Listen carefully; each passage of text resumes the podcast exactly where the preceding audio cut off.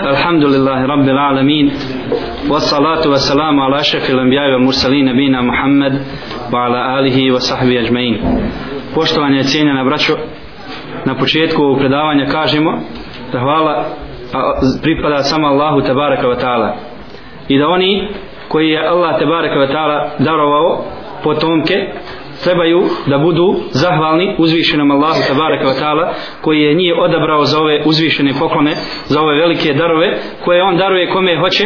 Pa on kaže jehebu li men ješa'u inasan wa jehebu li men ješa'u dhukur. Kaže Allah tabaraka wa ta'ala on kaže poklanja onome ko, kome hoće žensku djecu a onome kome hoće mušku djecu. Evo ju zauviđuhum zukrane u inata ili kaže daje i mušku i žensku. Nekima daje i mušku i žensku. Evo ju zauviđuhum znači zukrane u inata u eđalu men ješau akima a kaže on čini onoga koga hoće neplodnim, da ne može imati djece. Dakle, onaj koji je dobio od Allaha te bareka ve taala ovaj dar, treba da mu bude zahvalan svom snagom iz dubine duše, jer je Allah te bareka ve taala njega baš odabrao za ovaj veliki dar jer postoje oni koji u svome životu jel tako nisu nisu bili te sreće nisu dakle dobili ovaj poklon od uzvišenog Allaha tebarek ve ta'ala. Mi znamo da čovjek u ovoj uzvišenoj vjeri bira svoju suprugu još prije rođenja djeteta i tada već počinje njegov odgoj kako Ulema kaže a ne kada se dijete rodi, već kada biraš suprugu počinje odgoj djeteta. Neko će upitati kako to, jel tako, kada hoće, hoćemo da se znači ženimo, već tada počinje odgoj djeteta, ono još nije postalo na svijetu. Kažemo zato što izbor dobre supruge, supruge, supruge koja je vjernica, imaće velikog utjecaja ako Bog da i na odgoj djeteta. Kaže Allahu, poslanik sallallahu alejhi ve sellem, tunkahul mar'atu li arba'in kaže ženu udaju četiri stvari. Pa kaže li maliha wali hasabiha wa jamaliha wali diniha fadfar bi zati din taribat yadak kaže Allahu poslanik Muhammed sallallahu alejhi ve sellem ženu udaju četiri stvari. Kaže njena njena njeni meta njeno porijeklo njena ljepota njena vjera to je četvrta stvar kaže ti uzmi onu koja ima vjere bit ćeš srećan uspjećeš Bićeš sretan, ćeš, imat ćeš uspjeha. Dakle, stvar na koju prvo musliman gleda vjernik kod žene jeste njena vjera. I to je prvi korak u odgoju djeteta i ko misli da njegova djeca budu odgojena u duhu Islama, ovo je prva stepenica koju ne smije da, da preskoči. Jer ako tu stepenicu zaobiđe, ako na toj stepenici pogriješi, to će se sigurno odraziti na odgoje njegove djece, a svi smo svjesni, jel tako, koliko je majka koliko majka ima udjela odgoju djeteta, dijete najviše vremena provodi sa njom i zato kažem onaj koji želi dobar odgoj svoje djece, neka potraži vjernicu, iskrenu vjernicu Allaha te baraka wa ta'ala i bit će mu olakšan posao u mnogome. Bit će mu olakšan posao u mnogome. Također, Allahu poslanik sallallahu alaihi ve sellem postiče ovaj ummet, postiče svoj ummet da rađaju dakle da imaju što više djece jer je to ono čime će se ponositi Muhammed sallallahu alejhi ve sellem pa on kaže tazawwajul wadud al walud kaže ženite se onima koje vole svoje muževe i koje puno rađaju. Fa inni mukatirum bikum al anbiya yawm al qiyamah pa kaže jer ja ću se ponositi vama vašom brojnošću pred ostalim poslanicima na, na kıyametskom danu. To je ono čime će se ponositi Muhammed sallallahu alejhi ve sellem našom brojnošću. I zato je sunnet ove vjere, dakle praksa ove vjere da imamo više djece, da imamo dosta djece, a ne kao što je to u zadnje vrijeme uvriježeno, da se ima jedno dijete ili dvoje dijete, da vlada strah od nafake, da vlada strah ko će njega obskrbiti, kako ćemo ga, jel tako, kako ćemo materijalno ulagati u to dijete, pa se ljudi boje, pa ograničavaju porod, ograničavaju svoje potomstvo, što u šerijatu nema nikakve osnove, niti utemeljenja, jer Allah te barek vetala je taj koji daje obskrbu i nafaku i on je obećao svakome na faku, pa ćete vidjeti da ono peto dijete, na primjer, ima bolju nafaku nego prva četiri. Dakle, nemojte se bojati na fakije, nemojte se bojati obskrbe. Allah je taj koji daje obskrbu i svih svakome je njegova obskrba e, zapisana. Pa ćemo vidjeti ljude koji imaju po 10-15 djeci, a niko nije umro od gladi. Jel tako? Sve i Allah te barek vetala obskrbio. Dakle musliman ne smije da misli ovim ovom, ovim načinom mišljenja da ograničava sebi potomstvo na jedno dvoje djece jer to nema dakle utemeljenja u šerijatu. Allah je taj koji daje obskrbu a Muhammed sallallahu alejhi ve sellem će se ponositi ponositi našim brojem na kijametskom danu pred ostalim poslanicima. Također ono što treba da vodi računa onaj koji želi potomstvo jeste dova jel tako? I prije samog spolnog odnosa i dova prije začinjanja porodice kao što je molio Zakarija e, kao što je molio dakle poslanik Zakarija Rabbi hebli min, min ledunke zurrijeten tajibe o gospodaru, gospodaru moj podari mi o tebe dobro potomstvo podari mi dobro potomstvo. Dakle musliman treba da moli Allaha tebarek ve taala prije začinjanja porodice da mu da dobro potomstvo, da mu da potomstvo koje će biti u islamu, u imanu, koji će biti pokorni Allahu tebarek ve ta'ala i njegovom poslaniku Muhammedu sallallahu alejhi ve sellem, a također je poznata i dova jel tako e, prilikom stupanja u, u, e, u odnos sa, sa suprugom dakle što ne bi trebalo nikako nikako zapostavljati jel tako je kaže Allah poslanik sa sallam ko bude učio tu dovu jel tako e, nećemo moći kad se rodi dijete iz takvog odnosa nećemo moći šeitan nauditi.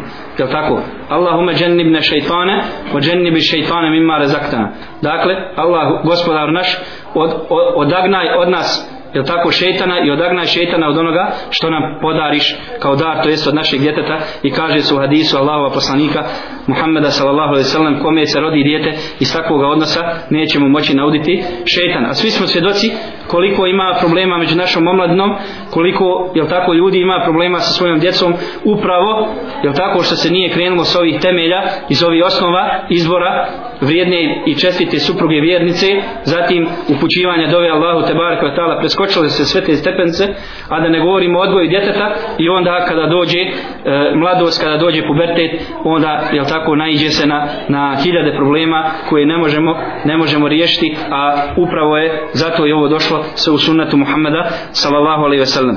Takođe vi znate da je u doba ashaba bila sramota da se kada se rodi žensko dijete. Pa se kaže u rivajetima da bi jel tako e, iskopali rupu na jednom mjestu pa bi onda babica išla jel tako sa ženom pa kaže ako bi se rodilo žensko dijete odmah bi ga bacilo u rupu i zatrpalo odmah bi ga bacili u rupu i zatrpali ako bi se rodilo muško dijete uzeli bi ga i vratili sa sobom.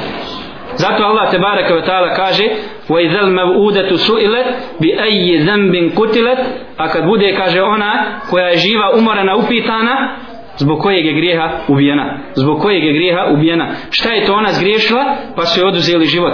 Dakle teško će to biti pitanje od strane Allaha te baraka wa ta'ala. Zato nije sramota kao što je u džahilijetu smatrano kada se čovjek čovjeku rodi žensko dijete. I to je ulema e, cijenila kada im se rodilo rodi žensko dijete pa poslušajte dakle da je Allahovom poslaniku sallallahu alejhi ve sellem da su rođene četiri ćerke četiri ćerke imao Allahov poslanik sallallahu alejhi ve sellem a kada je imamu ehli sunneta Ahmedu ibn Hanbalu rođena ćerka on je rekao al abaul banat. Kaže poslanici su očevi čerki poslanici su očevi čerki hoće da kaže poslanici su imali mnogo mnogo čerki pa zašto ja da budem žalostan zbog toga? Dakle e, čovjeku je e, poklon na strane Allaha te baraka ve taala i muško i žensko dijete i ne bi trebalo kao što je i danas prisutno kod nekih je tako žalost zbog ženske djece pa sam čuo da neće da ode po ženu u bolnicu i tako dalje. To se sve dešava danas.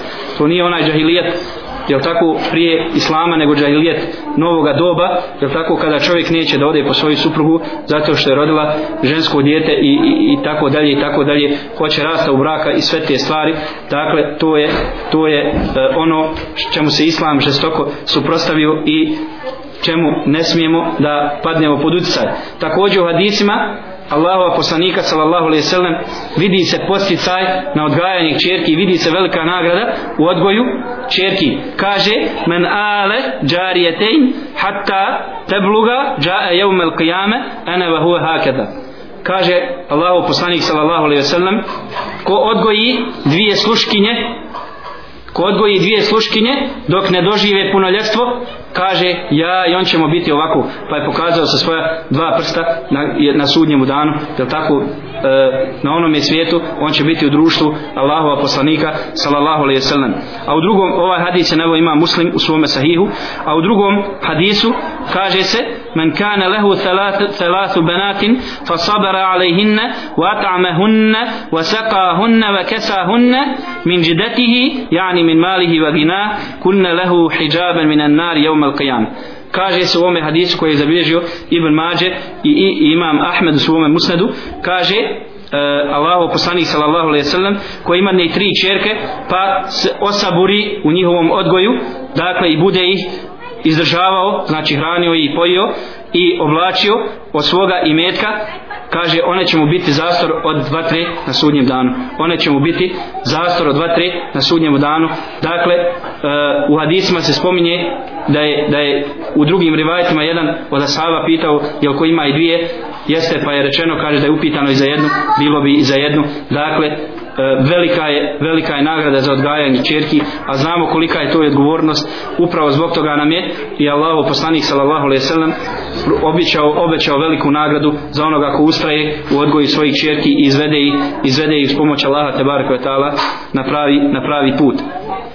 Dakle, što se tiče stvari vezani za novorođenče, e, ovo su bile stvari uglavnom prije rođenja, što sam do sad kazao, Međutim, nakon samog rođenja djeteta propisane su druge neke stvari. Prvo jeste učenje ezana na desno uho djeteta. Učenje ezana, dakle sunneta je, kada se dijete rodi, da E, mu se prouči ezan na desno uho, a ulema kaže zašto baš ezan, pa kažu da bi prvo što je čuo bilo, znači spominjanje Allahu Ekber, dakle Allah je najveći, uzvišenost je Allaha tabaraka wa ta'ala, spominjanje šehadeta, šhedu an la ilaha illallah, je tako? Spominjanje šehadeta i to je prvo čime se ulazi u islam i da to budu prve riječi koje će ući uho novorođenčeta. Da to budu prve riječi koje će ući uho novorođenčeta. Što se tiče e, dokaza, prenosi se hadis od Ebu Rafija da je rekao Rejtu Rasulallah sallallahu alaihi sallam أذن في أذن الحسن ابن علي حين ولدته فاطمة a, a hadis je nevo Ebu Dawud i Tirmizi za koji je rekao da je Hasanun Sahih pa se kaže u ovom hadisu uh, od, od Ebu Rafja kaže vidio sam Allahova poslanika sallallahu alaihi wasallam kako je proučio ezan uh, uho Hasana sina Alinog kada ga je rodila Fatima. Kada ga je rodila Fatima.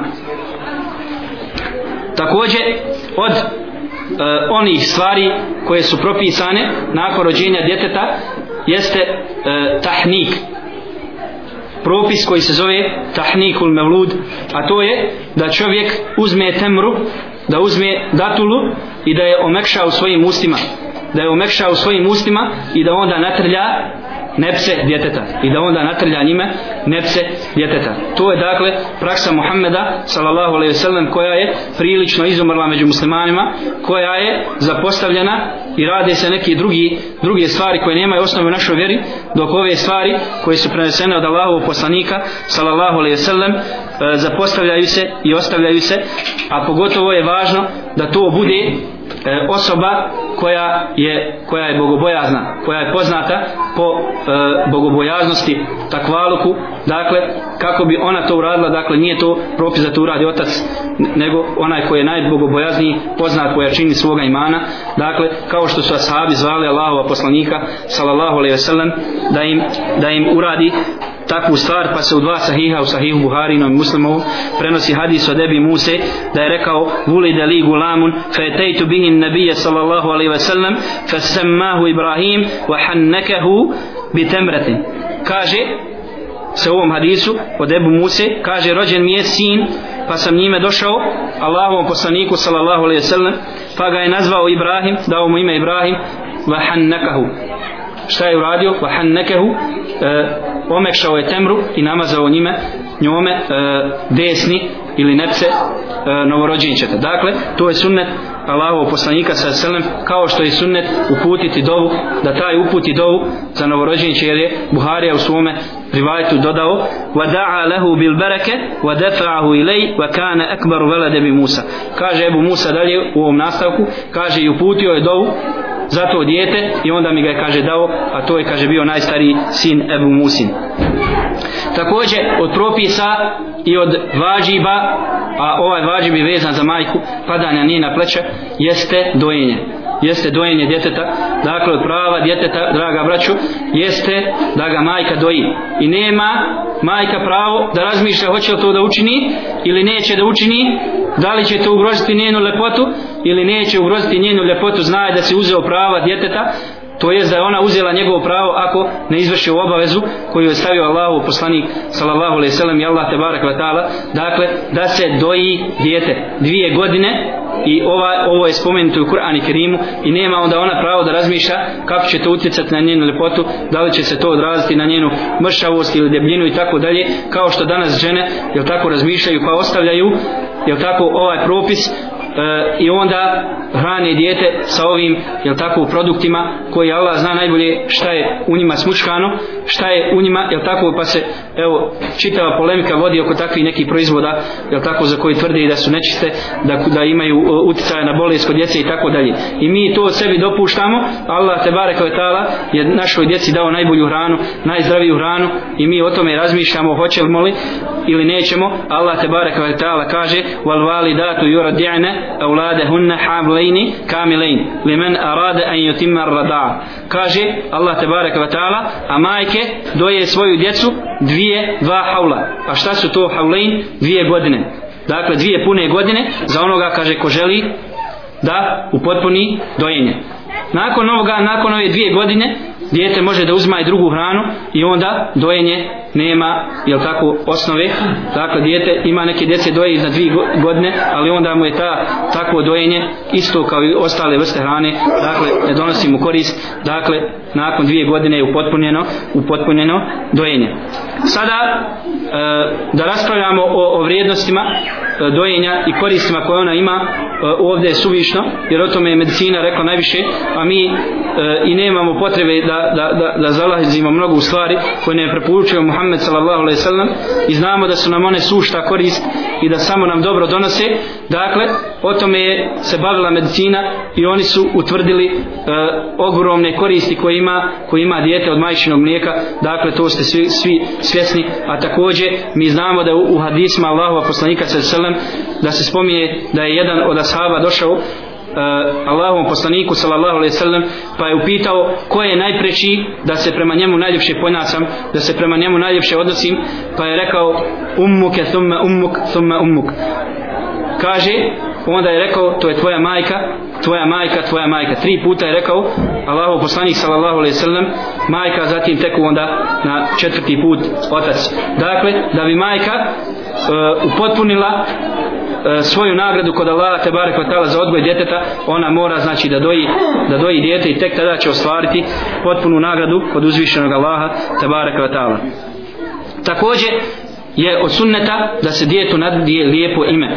Mi znamo da je danas veliko iskušenje, je tako da muslimani daju, daju imena koja nemaju nikakve osnove u islamu, koja su svojstvena nekim drugim vjerama, Dakle, to je fitnet, to je iskušenje kojim je pogođen umet kada napusti praksu i sunnet Allahova poslanika sallallahu alejhi ve sellem pa smo jel tako svjedoci da kod naše e, da kod naših muslimana e, postoje imena iz filmskih serija od raznih glumica i pjevačica jel tako koje su koje su e, strana islamu i nemaju nikakve veze sa njim dakle i oni se time ponose a to je dakle veliki, veliki, veliki problem za muslimane kada počnu da slijede druge narode jel tako onda onda e, ih kači hadis Allahova poslanika sallallahu alejhi ve sellem ko ponaša jedan narod on je on je od njega da nas Allah tebarek ve taala od toga sačini sačuva. E, što se tiče davanja imena ono je propisano sedmi dan po rođenju djeteta tako kao i akika. dakle međutim može i prije toga i poslije toga nije to nikakav problem. Dakle ono je mustahab lijepo da to bude sedmi dan. Pa kaže Allah poslanik sallallahu alaihi sallam u hadisu koji navio imam Ahmed u svome musnadu kaže kullu gulamin rahinun bi akikatihi tuzbahu anhu jevme sabihi wa yusamma fihi wa yuhlaku rasu kaže Allahu poslanik sallallahu citiram hadisu svaki svaki svako dijete je privezano za svoju za svoju akiku. Kaže ona se kolje za njega sedmi dan i tada mu se nadiva ime i tada mu se brije glava. I tada mu se brije glava. Znači preporučeno da ovo bude sedmi dan po rođenju djeteta međutim kaže ulema ako bi to bilo i prije toga i poslije toga znači 14 dana primjer nije, nije, nikakav, nije nikakav problem. A što se tiče najljepših imana, imena e, E, za muslimana one su došla u hadisma Muhammeda sallallahu alaihi sallam kao što su Abdullah i Abdurrahman dakle ova dva imena spomenuta u hadisu Allahova poslanika sallallahu alaihi sallam kao najljepša imena. Dakle pa bi trebalo našu djecu što više nazivati takvim, takvim imenima također od propisa vezani za narođenje jeste brijanje glave. Jeste brijanje glave ne kraćenje kose ili nešto nego bukvalno brijanje glave. Jer u hadisu Muhammeda sallallahu alejhi ve sellem se kaže mal gulami aqiqatun fa ahriku anhu damman wa amitu anhu alada. Kaže svako dijete novorođenče ima akiku kaže pa pustite za njega krv. To jest jel tako zakoljite kurban. Wa amitu anhu al-adha i otklonite kaže od njega ono što mu što mu šteti što mu škodi a to je to je neprijatnost dakle bukvalno a to je kosa. A to je kosa dakle da se da se dijete obrije svejedno muško ili žensko dijete od kome ćemo o čemu ćemo malo sad poslije govoriti. Dakle da se obrije i da se to ta kosa izvaga a onda da se u tome znači u težini te kose a e, vežući to za srebro dakle za cijenu srebra dadne sadaka. Da se dadne sadaka siromašnim o čemu ćemo navesti i predaju. Dakle što se tiče otklanjanja kose ili brijanja e, spominje se da je Allahu poslanik sallallahu alejhi ve sellem rekao Fatimi kada je rodila Hasana ihliqi ra'sahu wa tasaddaqi bi wazni sha'ri fiddatan 'ala al-masakin kaže obri mu glavu i kaže dadni sadaku u vrijednosti, to jest u težini te kose nasuprot srebru kaže dadni to siromašnjima dadni to siromašnjima a, a Ahmed je naveo ovaj hadis u svome u svome musnedu a također Tirmizi u svome sunenu.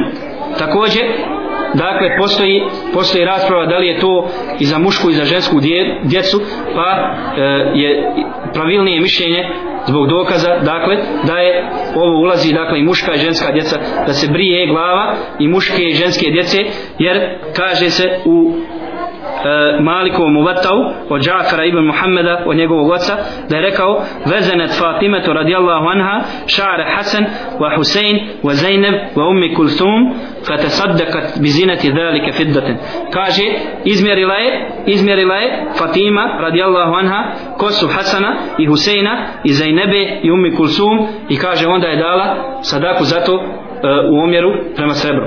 Onda je jel tako za tu težinu dala sadaku u omjeru prema sebu. Dakle, ovo je praksa i za mušku i za žensku djecu, jer se spomnije za neba i umu kulsum, jel tako, zajedno sa Hasanom i Huseinom.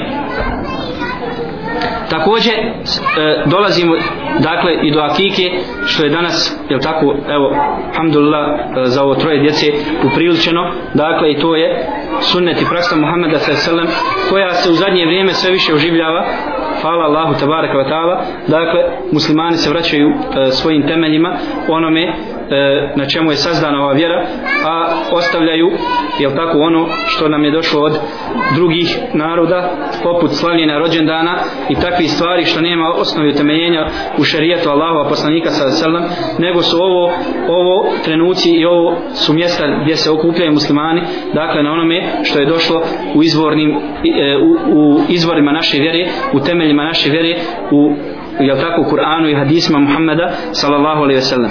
Što, što se tiče dakle e, akike imam Ahmed je čak govorio je tako da je ovo pritvrđen sunnet i da čak onaj koji nema novaca da treba da posudi pare i da zakolje svome djetu akiku čak je išao dotle da kaže da treba da čovjek posudi pare da bi zaklao djeti svome akiku znači koliko je koliko je poticao na ovaj sunnet i koliko ga je oživljavao a znamo je tako da se za e, muško dijete kolju dva kurbana za žensku za žensku jedan kurban shodno hadisu Allahova poslanika sa selem koji je također naveo ima Ahmed u svom musnadu anil gulami šatan mukafe etan u anil džarija šatun. Za muško dijete dva kurbana dakle a za žensku jedna ovca je tako? Također e, kolje se ili preporučeno da se to uradi sedmi dan po rođenju djeteta shodno hadisu kullu gulamin rahinatun bi akikatihi tuzbehu jevme sabih ve yusemma svaki, svako djete je privrijezano za svoju akiku i kaže ona se za njega kolje sedmi dan i tada mu se daje daje ime kako smo spomenuli u hadisu imama Tirmizija iz njegovog sunena.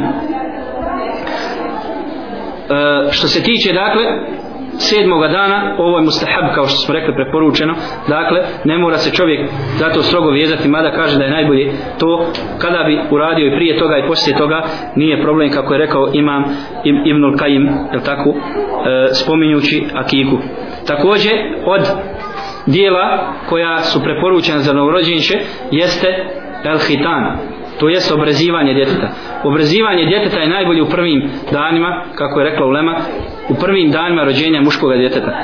Najbolje je tada to izvršiti, međutim, kaže Ulema, može sve do buluga, sve do punoljetstva, jel tako, se može i e, to uraditi, međutim, najbolje je u prvim danima najpreporučenije, jel tako, da se s time, da se s time e, požuri, a u hadisu Ebu Hurere radijallahu anhu se kaže el fitratu hamsu Hamsun, kaže pete prirodni prirodnih obilježja kod muslimana, je tako? Kaže pete prirodni prirodnih obilježja, a od tih pete spomenuo El Hitan, dakle El Hitan, a to je obrezivanje i to je, dakle, sunnet u vjeri Muhammeda sallallahu alejhi ve sellem koji, koji e, je obilježje Islama, koji je znak e, Islama, koji nas razlikuje od ostali, dakle, i e, musliman svaki jel tako mora da potpadne pod ovaj propis pa znamo da neki kasnije primi islam i, i jel tako izvrši ovu dužnost koju nam je e, ostavio emanet Allahov poslanik sallallahu alejhi ve sellem dakle to je prirodno obilježje islama to je čistoća muslimana to je jel tako zašta od raznih bolesti pa vidimo da čak danas i, i, i, i ovi drugi koji nisu muslimani da su shvatili vrijednost obrezivanja i šta rade, obrezuju se ne iz vjerskih razloga, nego zbog čistoće, zbog određenih spečavanja, određenih zaraza i bolesti, jel tako obrezivaju se. Dakle, medicina je dokazala da je obrezivanje zdravo, da je obrezivanje donosi e, za, zašto raznih bolesti i zato kažem e, musliman ima u svojoj vjeri sve ono što mu je neophodno da živi zdravim životom, da bude sretan na dunjalku i da ako Bog da ispravnim odnosom prema svojoj vjeri zaradi, zaradi i dobar položaj na hiretu kod Allaha te barek wa ta'ala.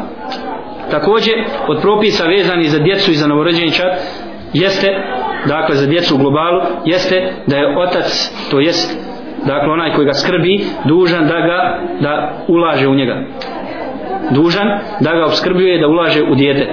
Dakle on je dužan da to dijete e, žensko do udaje a muško do punoljetstva da e, daje novac za njega da ulaže za njega i da ga jel tako e, pomaže dok on ne bude sam sposoban da privređuje i da sebi zarađuje. A kaže se u hadisu Muhammeda sallallahu alaihi sallam koji navao ima muslim u svome sahihu afdalu dinarin yunfikuhu rađul dinarun yunfikuhu ala ijali najbolji kaže dinar koji čovjek uloži koji dadne jeste kaže dinar koji dadne za svoju za one koji su pod njim dakle za koje je dužan da ih, da ih uzdržava. Za koje je dužan da ih uzdržava.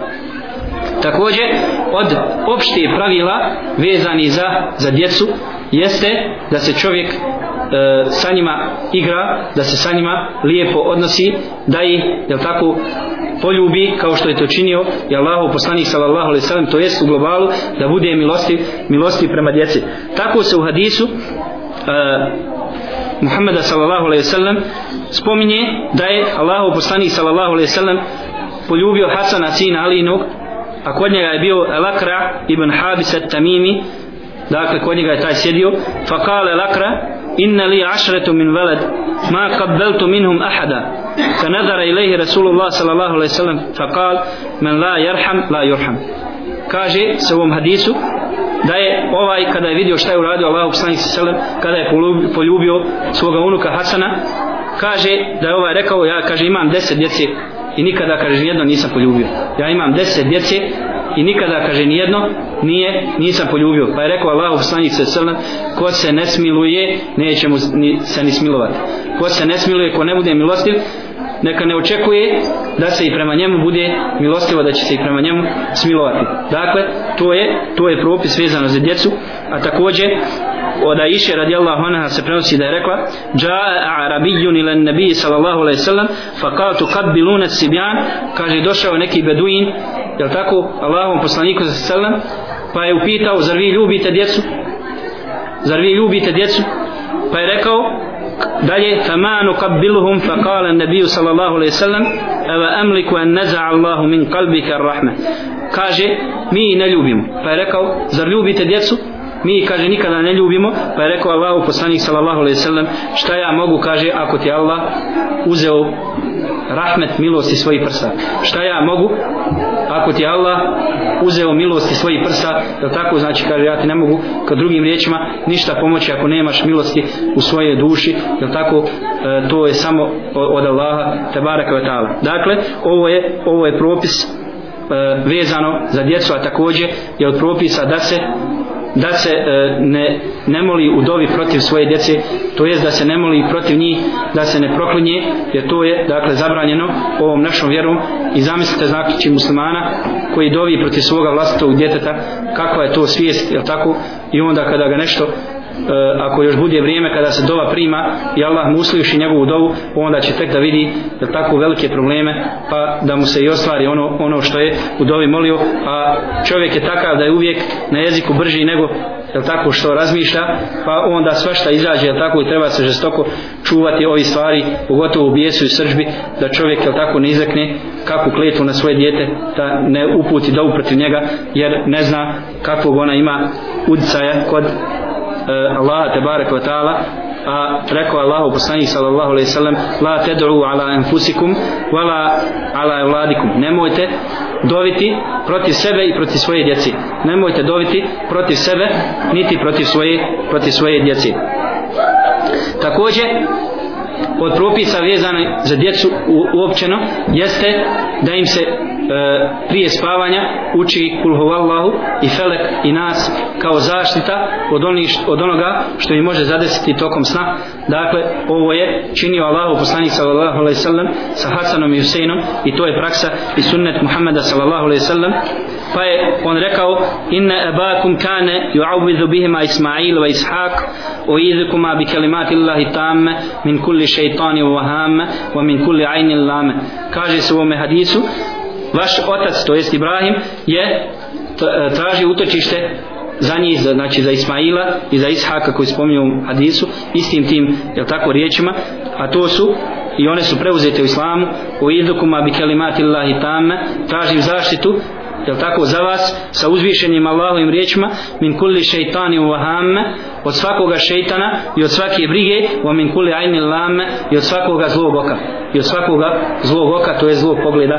Dakle ovo je ovo je praksa bila Muhammeda sallallahu alejhi ve sellem uz ono učenje kul huvallahu felak i nas je tako po tri puta i onda potiranje tijela djeteta. Dakle sve su to stvari i samoga sebe.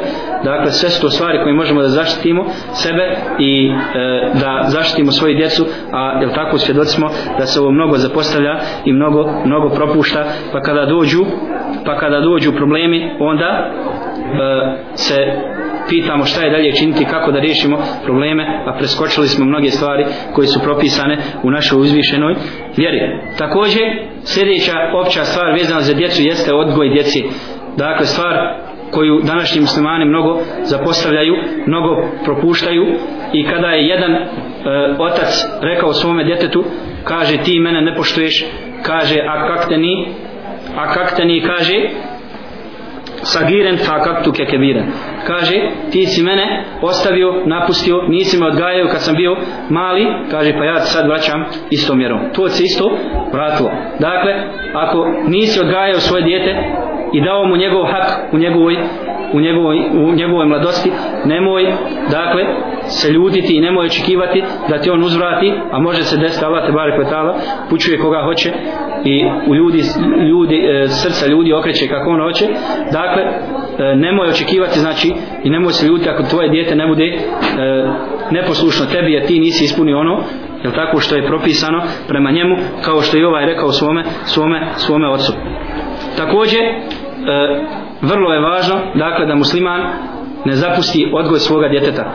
Jer kažem e, to će mu donijeti e, svaku, svaku korist i na dunjaluku i na hiretu dakle ako mu dijete bude poslušno na dunjaluku zato je tako što će dijete prvo biti poslušno Allahu te barek ta'ala a odma čim ima vjere u sebi bit će poslušno i prema svojim roditeljima cijenit će svoje roditelje gledati da im ugodi na svakome koraku pa imamo i dunjalučku korist a imamo i ahiretsku korist spomenutu hadisu Muhammeda sallallahu alaihi sallam idha mata l'abdu in kata ameluhu illa min thalat sadakatin džarije au ilmin yuntefa'u bihi min ba'di au veledin salihin jed'u le. Kaže kada umre čovjek prestaju djela osim u tri slučaja. Osim u tri slučaja. Sadakatin džarije dakle da čovjek dadne sadaku e, pa da od nje ima koristi i poslije svoje smrti. Zatim e, da ostavi neko znanje iza sebe kojim će se ljudi okoristiti pa da to, od toga ima koristi poslije svoje smrti. I treća stvar koja naš najviše i vezana za ovu temu jeste kaže dobro odgojeno dijete koje će moliti za svoga oca koji će moliti za svoje roditelje u globalu. Dakle, to je ono što treba da ostavimo iza sebe, to je ono na što treba da pazimo i da mislimo. Dakle, i ako ostavimo dobro odgojeni djecu, imat ćemo, evo vidite, koristi na Dunjalku i na Ahiretu. Dakle, i nikako ne treba propuštati nikako ne treba propuštati ovu, ovu e, priliku da kod Allaha te barake ta'ala ispunimo svoju dužnost jer je on rekao da smo svi mi kullukum ra'in wa kullukum mas'ulun an ra'iyati svi ste vi pastiri i svi ćete biti odgovori za ono što čuvate. Dakle svi smo mi zaduženi za nešto i zato ćemo odgovarati. Zato kažem ne treba propuštati ovakvu priliku ne treba zapostavljati odgoj djece a velika je velika je E, stvar odgojiti djecu u islamu. Dakle e, zašto ćemo imati veliku nagradu nagradu od Allaha tabaraka wa ta'ala. Takođe e, od propisa vezani za djecu jeste da čovjek ne ističe jednu djecu na drugom. To jest da ne daje određene stvari jednome djetetu a da drugoga zapostavlja dakle da jednome dadne nešto a da drugima ne dadne. Jer postoji praksa da e, čovjek onome djetetu komu je poslušno i kojemu je više vezano za srce dadne neke stvari a drugu djecu uskrati. Dakle ovo nije nije u skladu sa islamskim propisima. Dakle ono što daš jednom djetetu trebao bi i dati svojoj djeci. Jer kaže ulema e, čovjek e, dijete je poslušno svome roditelju i traži nagradu kod Allaha te barek ve taala ako mu ti to naknadiš materijalno onda će on pomisliti jel da, da to radi samo iz te svrhe jel tako da bi dobio nešto i onda će se može se uzoholiti uskiburiti i tako dalje. Dakle ne smiješ odvajati djecu u tim stvarima dakle a što se tiče e, odvajanja u nekim potrebama to se može desiti kao da jedno dijete treba stvari za školu drugo ne ide jel tako nećemo sad oba dvojici kupovati to su druge stvari ali u situaciji kad e, dajemo nešto jednom a to bi mogo i drugi da dobije dakle u tim stvarima ne smijemo razvajati djecu jer se spominje jer se spominje od Nu'mana ibn Bashira da je njegov otac Bashir ibn Sad poklonio mu roba pa je on obavijestio Allahu poslanika se selam o tome pa je rekao Allahu poslanik kul kulle veledek mehaltehu mitle haza jesi li svakome poklonio ono što si tome? Kale la kale ferđehu, kaže nisam kaže onda ga vrati. Njemu si poklonio slugu ili tako? A ostalima ništa kaže onda ga vrati. A u drugom rivajetu ittakullahe va'dilu bejne vladikum. Je rekao u drugom rivajetu bojte se Allaha i budite pravedni između svoje djece. Budite pravedni između svoje djece to jest ne odvajajte jedne jedne e, na drugima. Dakle ovo su bili neki propisi vezani za novorođenče vezano za dakle stanje prije rađanja djeteta i, i, i poslije dolaska na njegov svijet dakle i do njegovog punoljetstva. Molim Allaha tebara kva ta'ala da smo se koristili s ovim predavanjem i da e, budemo od onih dakle koji će poslušati ove savjete i sprovesti u našu praksu i onda ako Bog da možemo očekivati e, da će se poboljšati naša situacija, da će naša omladina biti privrženija vjeri islamu, jel tako? Kada već od ženitbe razmišljamo o njihovom odgoju, a ne, jel tako, kada zapadnemo određene probleme, kada vidimo da naše dijete ode s amputicom, tek onda da mislimo šta da radimo i kako da poboljšavamo njegovo ponašanje, a preskočili smo sve one stepenice koje nam preporučuje Muhammed sallallahu alaihi sallam i Allah te barek ta'ala prije toga, dakle, i da vas Allah nagradi je zakona. Inša Allah. Inša Allah. Dakle, Akika je, ono se kaže u hadisu, svako dijete privezano za svoje akiku. Ako su njegovi roditelji propustili, dakle, nije sporno, je tako da čovjek jer e, on nije znači u tome hvala teziru vaziretom vizra uhra niko neće nositi tuđe, tuđe greha dakle to su njegovi roditelji propustili dakle nije sporno da, da on za sebe tako zakolje Allah najbolje zna pa ono je najbolje britvom znači to je, to je onako kako se ako se, e, jel tako ako ima straha šta ja znam od britve i e, znači osnova je, osnova je britvom. Međutim ako ima i takve mašine da mogu isto uraditi znači nije sporno. Postignuto je ono što je se, što je se želilo. Allah najbolje zna Djete, ja, djete se sam prouče ezan, to desno u hadisu se spominje da će ezan, nema i kameta. Dakle, ezan se spominje u desno uho i kamet se ne spominje. Dakle, mada je to praksa. Ona, međutim, ja koliko znam da nema, nema delila za i kamet. Dakle, ezan na desno uho i to je, to je što ja što ja znam da, da je došlo u dokazu. A šima imena, kad, kad nadio šima sin, tako je, čer, ima, ima zavisi kakve o, težine imena, kad djete nosi, znači, ako daš ime Muhammed, Pa da li znaš to šetam šta, mislim? Ne, e, poznat su hadisi, izmišljeni hadisi na ovog poslanika Selem koji počeo ime Muhammed, jel tako, i daju neke određene nagrade, jel tako, onaj koji izučava hadis zna za te apokrifne hadise, jel tako, vezan, znači samo ime neće donijeti djetu E, neki prosperitet. Vidimo danas koliko Muhameda ima a sasvim su udaljeni od Allahove te barake od ta'ala vjeri dakle bitno je da to bude islamsko vje, e, ime jel tako? I bitno je da mi uložimo ono od sebe što se tiče odgoja i tako. A sve u Allahovim dakle rukama. Dakle davanje imena ne znači da će dijete biti pobožno, da će dijete biti ovako, mada kažem treba birat, birat najljepša imena, to je sunnet i praksa e, prvih generacija muslimana, dakle, a to ne znači da, da, da onaj ko nesi ime Muhammed ili ova najljepša imena Abdurrahman Abdullah, da će tako biti shodno tim imenima. Allah ne bilje zna. Zato je imam Albani, Rahimehullah, rekao da je pokuđeno nadivati ime, imena koja uh, uzdižu ljude. Kao što je njegovo, kaže Nasiru Din, ja se kaže sa tim ne slažem. Nasiru din pomagač vjeri a kaže ima takvi, kaže, koji naginju. Šta radi pije? Al Nasiru din, onaj, onaj koji pomaže vjeru. Ili Kemalu din, ili ovako, ili onako, znači imena, onaj koji je savršene vjere, Kemalu din, tako savršenstvo vjere i tako dalje, a on vamo ne obavlja namaz. Treba izbjegavati, znači imena, koja e, u superlativu govore o, o, dakle izražuju, izražuju neke osobine dakle da ne bi se desilo da Nasiru din ne obavlja namaz ili Kemalu din ili tako dalje ili Šemsu din i sve su to imena dakle koja treba e, pomalo izbjegavati zbog, upravo zbog toga što ne znamo kako će biti nego nadijevati imena je tako koja su koja e, su bile u praksi shaba i koja imaju lijepo značenje Allahu i tabarak wa rukama, rukama je tako sve zakon lahaj. A pošto poštivanje do roditelja, e, recimo da, da ima sad tvoj brat neko drugo ime, e, recimo Dunjaločko je to, i sad da, da savjetuješ materi ovaj, da, da, da se promijeni to ime, ovaj, da ona ne, ne posluša šta da, ništa, samo ovako drugi. Čije je dijete? Pa recimo da imam ja sad brata. Ja. I, i do sad recimo on ima, nema muslimansku. Aha.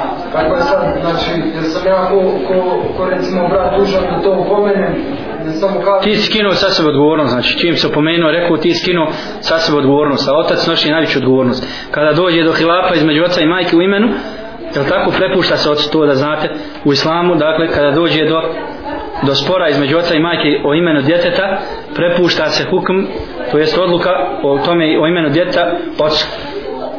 Jel tako? Znači on je najodgovorniji za ime svoje djete dakle e, kažeš njemu upozoriš ga pa ako on to ne prihvati ti sad sebe skinuo odgovornost a ne možeš ti nikoga natjerat jel tako ili ako je tvoj brat već punoljetan i tako dalje ima mogućnost da to sam uradi možeš njega posavjetovati jer on u tome nije dužan jel tako e, da posluša jer nema nema pokornosti e, stvorenjima u nepokornosti Allahu te barak vatala. A šarijasko ženčanje koliko može da kasne, koliko da se na primjer kako da kasnije ne kontam Može da. Osnovo šarijasko vjenčanje. Aha, što se tiče toga, znači u, u, u islamu je osnova, znači brak je e, da se razglasi ljudima, znači e, da, je, da su dvije osobe, da tako šerijanski vjenčanje. Dakle, tu imaju, tu imaju uvjeti, znači dva svjedoka i veli, to jest starate, da tako, i, e, i džava kabul, to jest ponuda i pristanak. Dakle, to su stvari koje kad se ispune, šerijatski brak je zaključen. Dakle, kažu, ako, ako te stvari su ispunjene i kod ovoga, E, stupanja u brak pred, e, kod matičara, je tako, taj brak je zaključen, on je, on je validan. Međutim, kažem, e, lijepo je to učiniti i, i na ovaj, na ovaj drugi način, je tako, mada kažem onaj e, prvi način je e, znači sasvim validan brak, brak je ispravan, brak je dakle zaključen, dakle međutim kažem i ovo bi trebalo ipak radi održavanja radi održavanja te tradicije i tako dalje.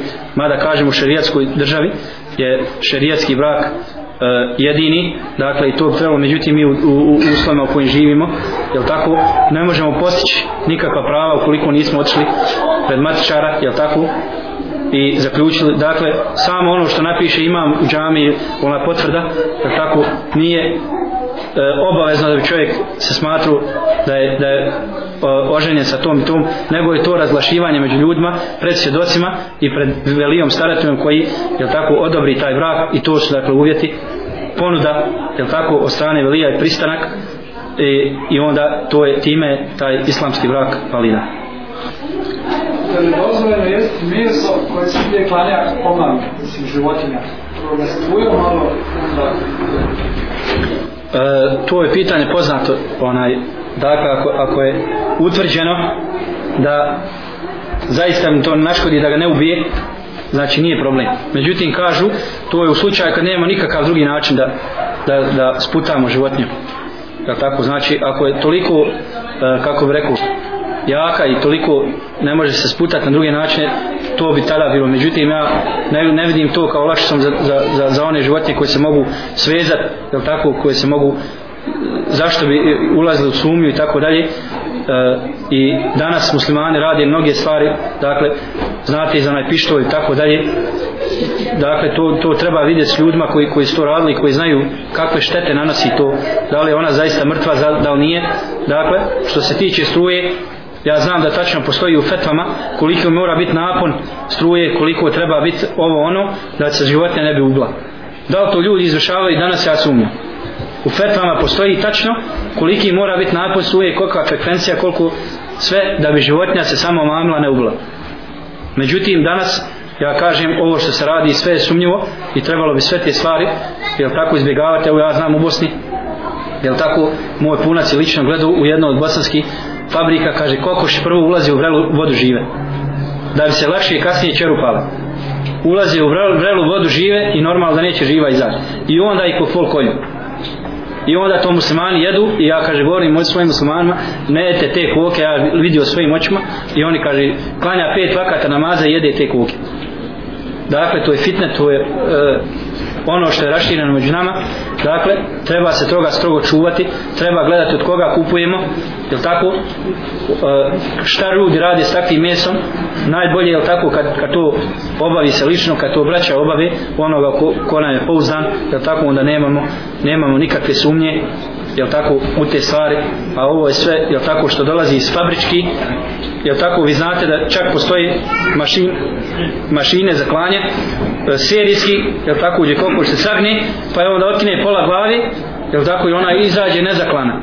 Izađe nezaklana jel tako a prvo to klanje mašinom je sporno jel tako i, i onda jel tako jede se ta strvina i normalno da će to imati utjecaja da tako čim se haram unosi da to ima utjecaja i, i, na, i na čovjekove postupke i tako dalje Allah ne bolje zna Imam ja jedno kako nagraditi svoju djecu za dobar uspjeh u škole i, ili nekde.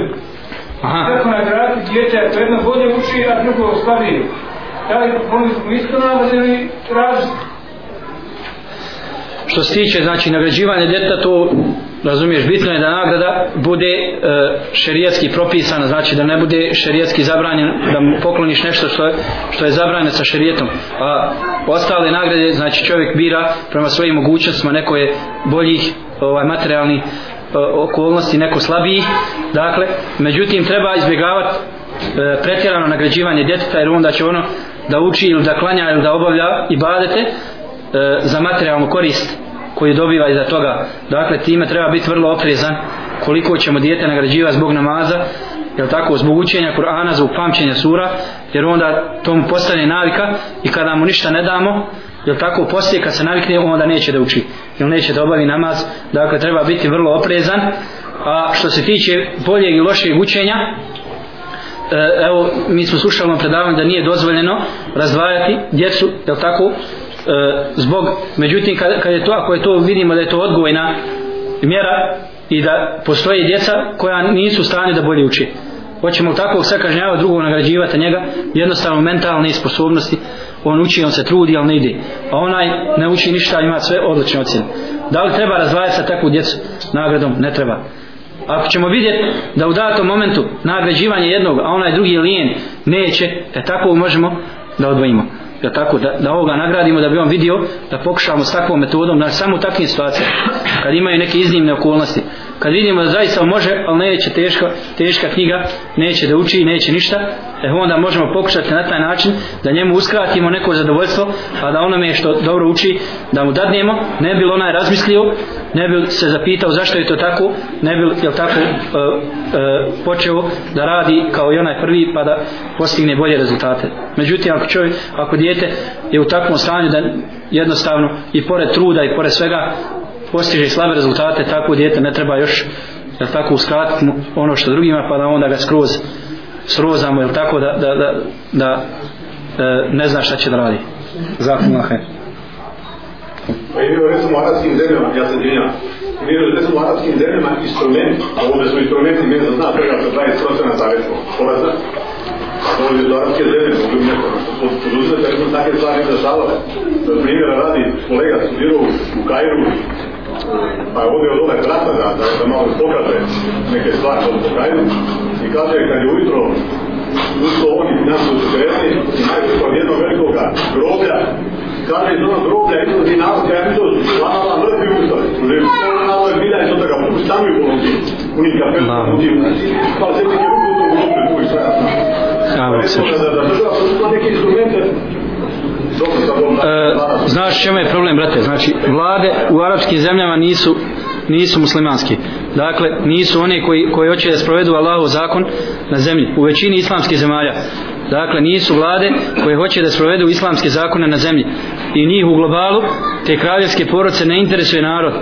Ne interesuje njihova budućnost i prosperitet. Jer tako? U jednom danu gdje sam učio ljudi nemaju vode i čiste piju hoćemo lići dalje A šta da govorimo sada od socijalne projekte? Nemaju čiste vode da piju. Imaju gore e, kazani na vrh zgrada gdje pune, gdje jednom u sedam dana dođe voda i onda ti to moraš rasporediti. A ako ti nestane, onda zoveš cisternu pa platiš pa ti oni naspu. Dakle, a ona voda koja ti dođe u sedam dana, jel tako, kad abdestiš ne možeš abdest koliko se čuje. A kamo da piješ?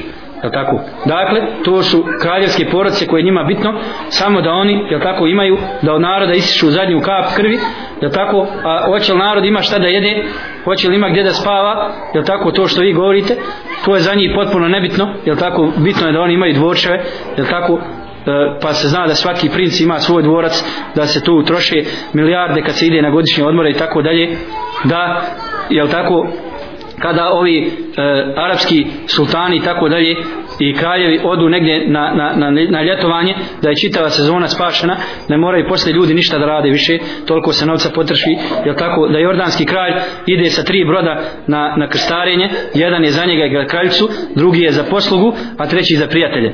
I onda eto gdje ode novac. Eto, gdje pare muslimana i zbog toga mora biti taki koji, koji jel tako, spavaju po smetlištima i na raznim mjestima i koji nemaju vode da piju i koji nemaju šta da jedu, jer ovi su im protračili novac i njih ne zanima islam, niti zanima prosperitet muslimana, nego njima je bitno samo, jel tako, da imaju kao neki najnovije modele svakog auta određene vrste, jel tako da mora on uzeti, jel tako, pa ima po hiljada auta na, na njegovom privatnom parku ili tako gdje, gdje jel tako? Kad bi vozio svaki dan drugo trebalo mu dvije godine da dođe opet ono prvo. I, i šta imamo mi dalje govoriti jel tako? Gdje, gdje je problem? Znači samo u nama dakle tako? U našim vođama, našim vladarima da je to po islamskim propisima sigurno bi se riješila većina ovaj svi ovi, ovi problemi koji nas koji nas tište. Međutim njima to nije u interesu i tako dalje. Pogledajte samo Irak jel tako? I, i Palestinu i tako dalje koji e, u srcu islamskog svijeta se otimaju i ugrožavaju se muslimanima prava i ubijaju se pa ostali to sve nijemo posmatraju tako? I još neki daju svoje teritorije da, da, da, da se sa njih napadaju muslimani i tako dalje onda e, nemamo kud dalje, kud dalje ići tako? Da daš svoju teritoriju da sa nje lete avioni koji ubijaju tvoju braću u Iraku jel tako? Onda smo zanemarili osnovne akidetske postavke jel tako? El vela el bara prijateljovanje sa vjernicima neprijateljstvo prema nevjernicima kad toga nema onda je sve, sve moguće svaki belaj će nastići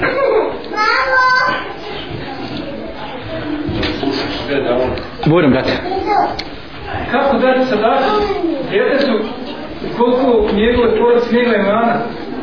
A da li je djete u koliko nije porodica materijalno okrupljena da djete može dobiti sadaku ako je okrenuto vjerski, mislim, dobro odgaja se u mrtevu dobro i dobro uči i potrebno je za školovanje.